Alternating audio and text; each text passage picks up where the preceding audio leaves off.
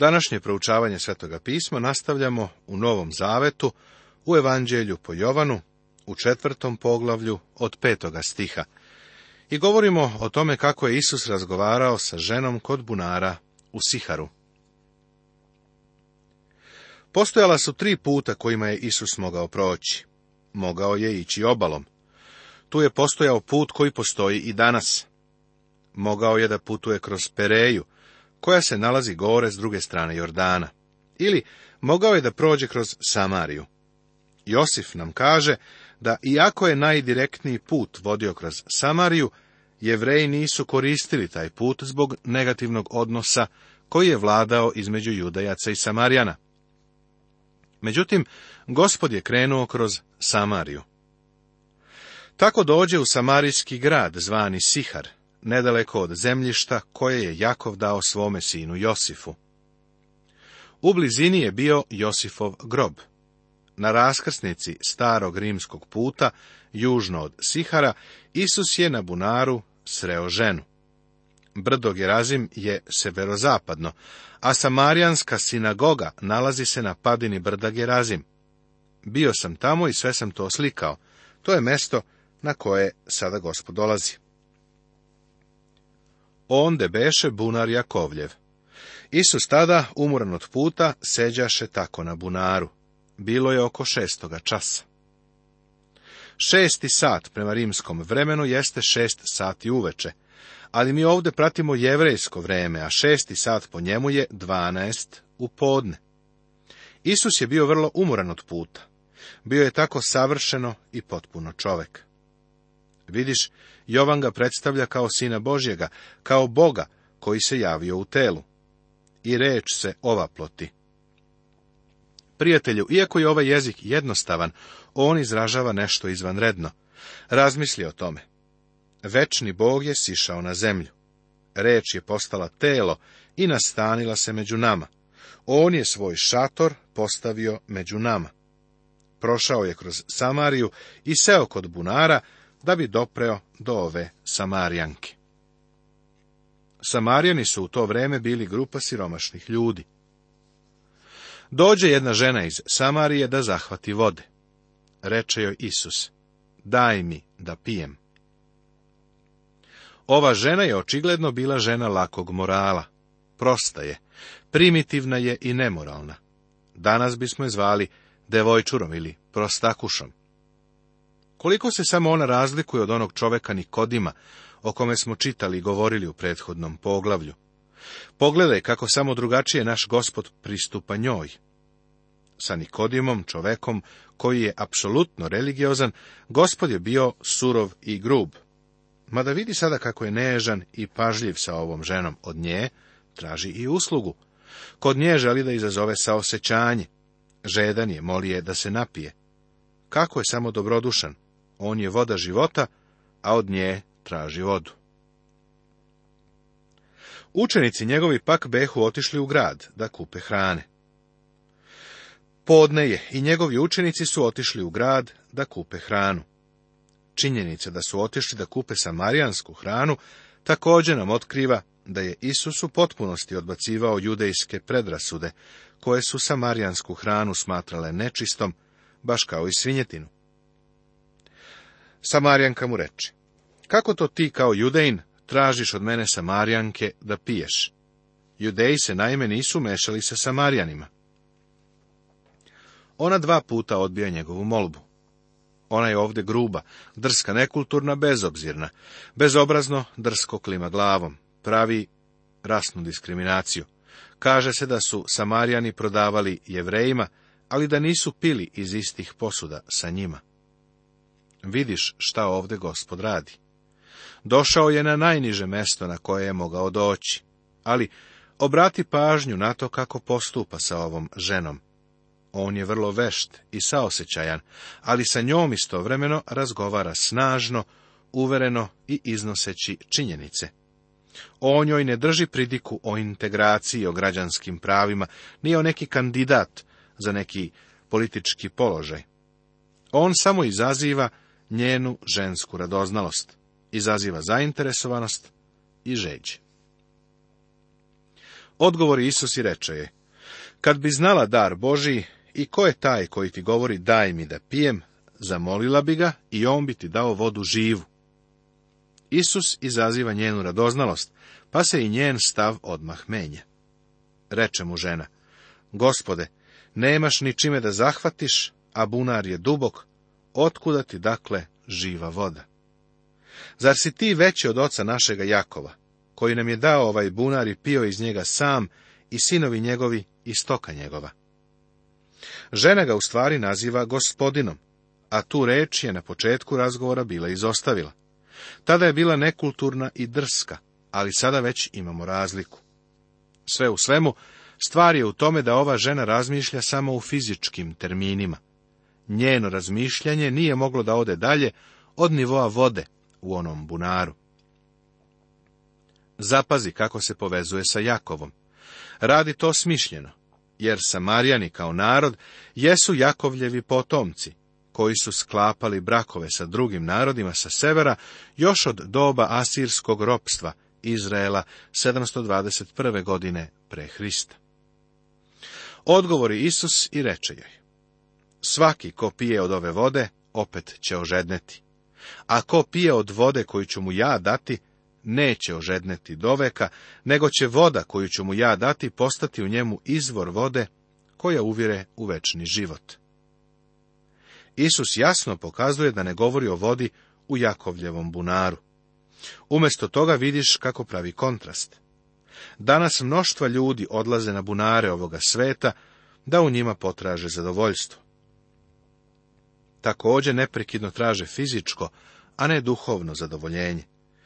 Ali Isus sada u srcu ove žene izaziva želju za duhovnom vodom.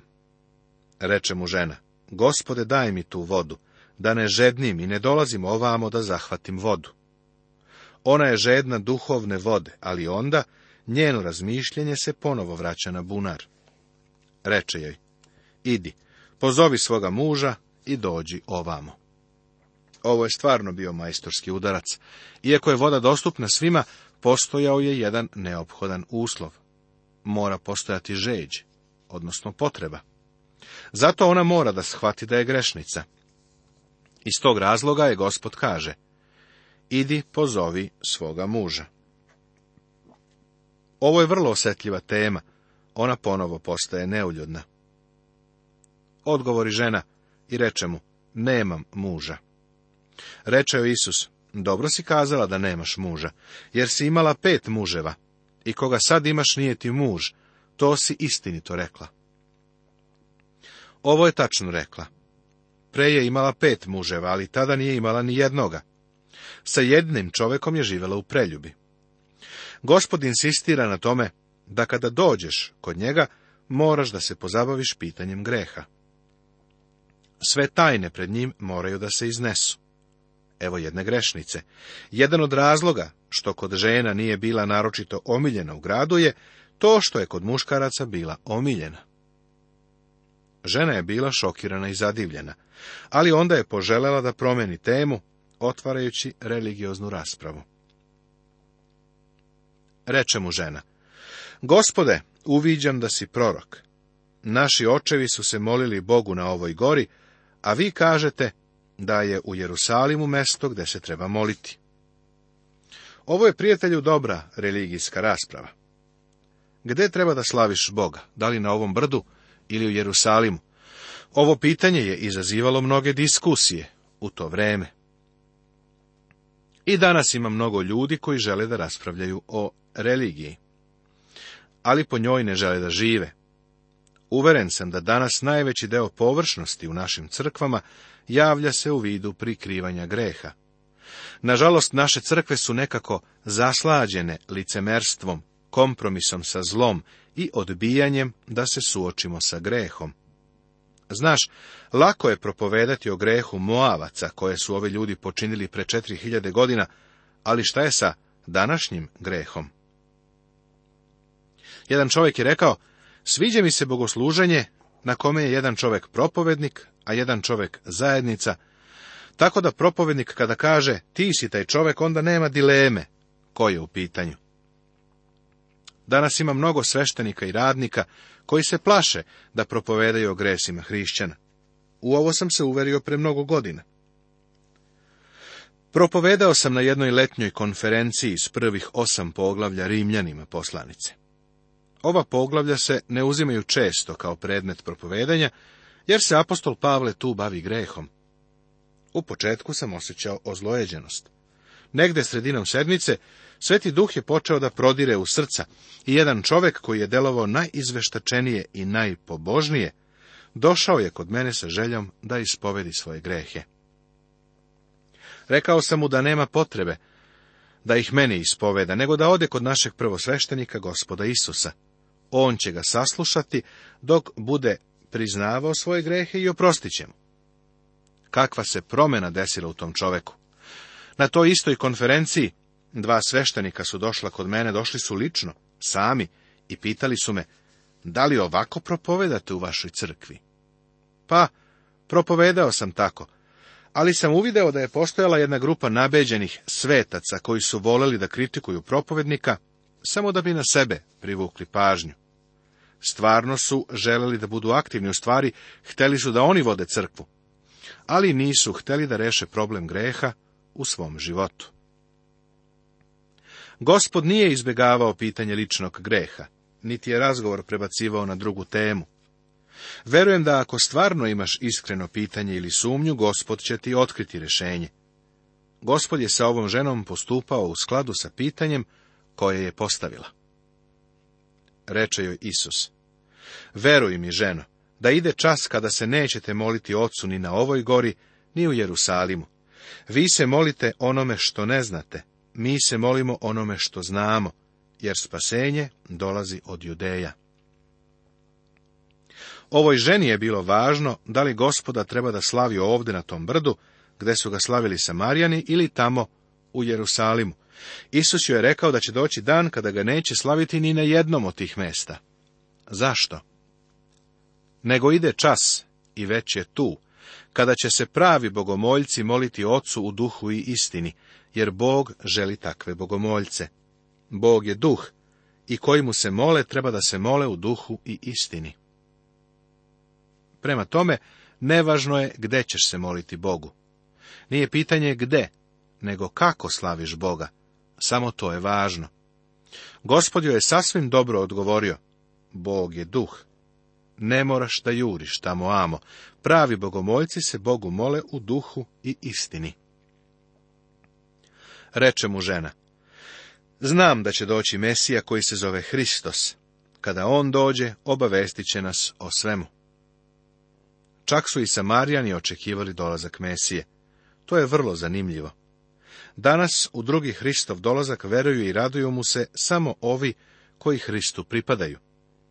Oni koji mu stvarno ne pripadaju, iako su članovi crkava, imaju neprijatan osjećaj da će on doći. Iako kažu da ne veruju u njegov drugi dolazak, on ih ipak uznemirava. Pre nekoliko godina jedan ateista u Londonu je izjavio da ono što ga uznemirava jeste činjenica da Biblija možda jeste u pravu i da će Isus onda ponovo doći.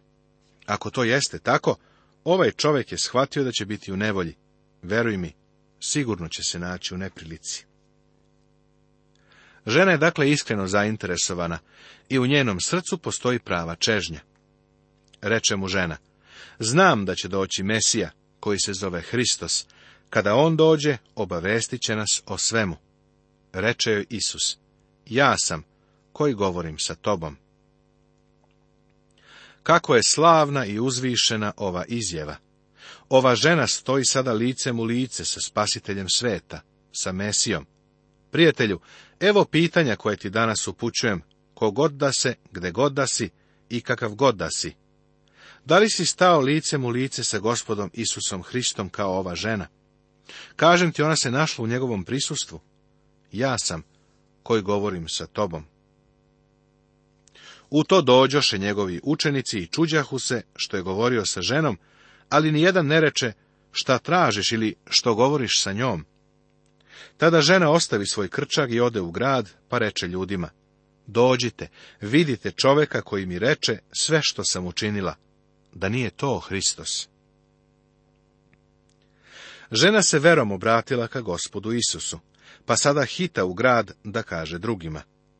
Zapazi da ne razgovara sa ženama, jer sa njima inače ne priča.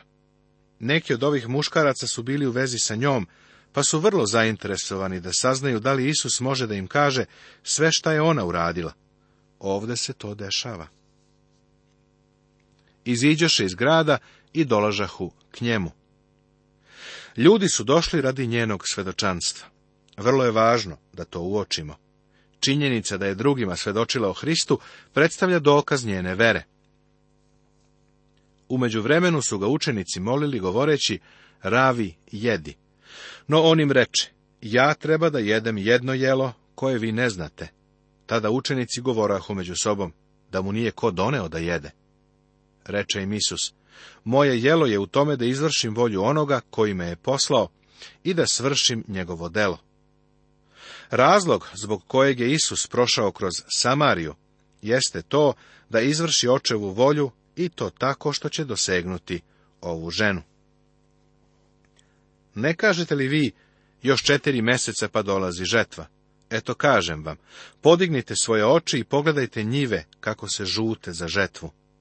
Već žetelac prima platu i skuplja pod za večni život. Da se seč i žetelac raduju zajedno jer je u ovome istinita reč, jedan seje, a drugi žanje. Ja vas poslah da žanjete ono zašto se vi niste trudili. Drugi su se trudili, a vi ste ušli u njihov trud. Ima i na umu da se sve ovo dešavalo u decembru, a žetva će u tom kraju biti tek u aprilu. U dobu kome mi danas živimo, naš posao jeste da sejemo, ja se trudim da kroz radio program sejem Božiju reč. Verujem da će dobre crkve žnjeti, zato što sam ja sejao. Jedan pastir mi je rekao da je zbog radio poruka on u svojoj crkvi primio više od stotinu ljudi. Dosežemo vrlo mnogo ljudi koji su članovi takozvanih liberalnih crkava, ali oni žele da znaju gde da idu, gde će dobiti pouku iz Božje reči. Ovaj pastir je rekao da su ljudi slušali radio program pa su shvatili da žele Božiju reč i onda su iz tog razloga došli u njegovu crkvu. Pridružit će se crkvama u koje se poučava Božija reč. Jedan seje, drugi žanje. Radujem se zbog toga. A mnogi Samarijani iz onoga grada poverovaše u njega zbog reči ova žene, koja je svedočila da joj je Isus rekao sve što je učinila.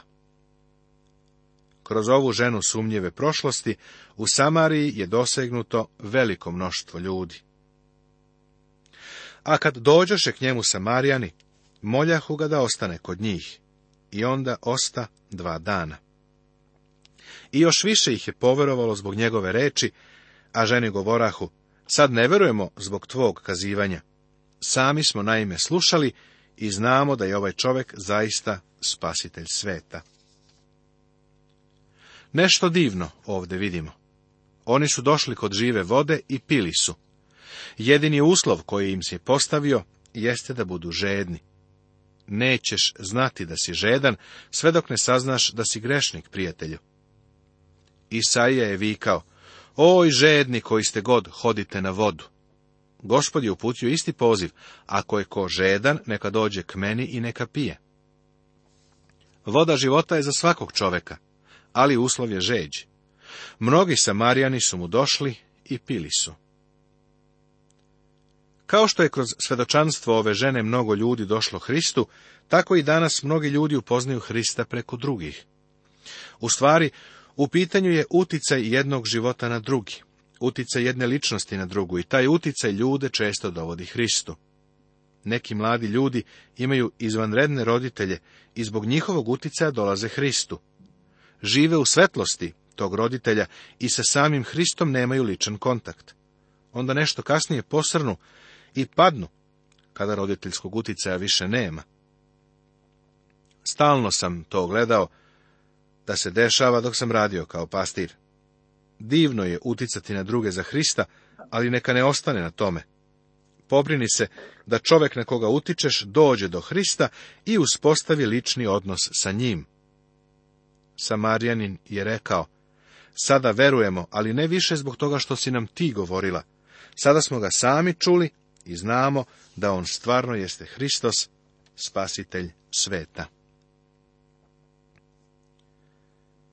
Posle ta dva dana ode odande u Galileju, jer je sam Isus posvjedočio da prorok u svom zavičaju nema poštovanje.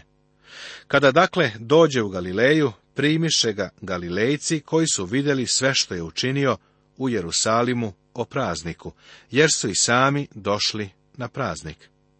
I dođe opet u kanu Galilejsku, gdje je pretvorio vodu u vino, a beše neki kraljevski činovnik, čiji je sin bolovao u Kafarnaumu. Obrati pažnju na geografske podatke koje nam Jovan ovdje ponovo daje. Isus napušta Samariju i odlazi u Galileju, Mnogi Galilejci su verovali u njega, jer su ga vidjeli na svadbi i vidjeli su sve šta je uradio. Zatim on odlazi baš u kanu Galilejsku, jer je tu jedan kraljevski činovnik, čiji je sin bio skroz dole u Kafarnaumu. A ovaj, čuvši da je Isus došao iz Judeje u Galileju, ode k njemu i moljaše ga da siđe i da mu izleči sina, jer beše na samrti. Nastavit će se.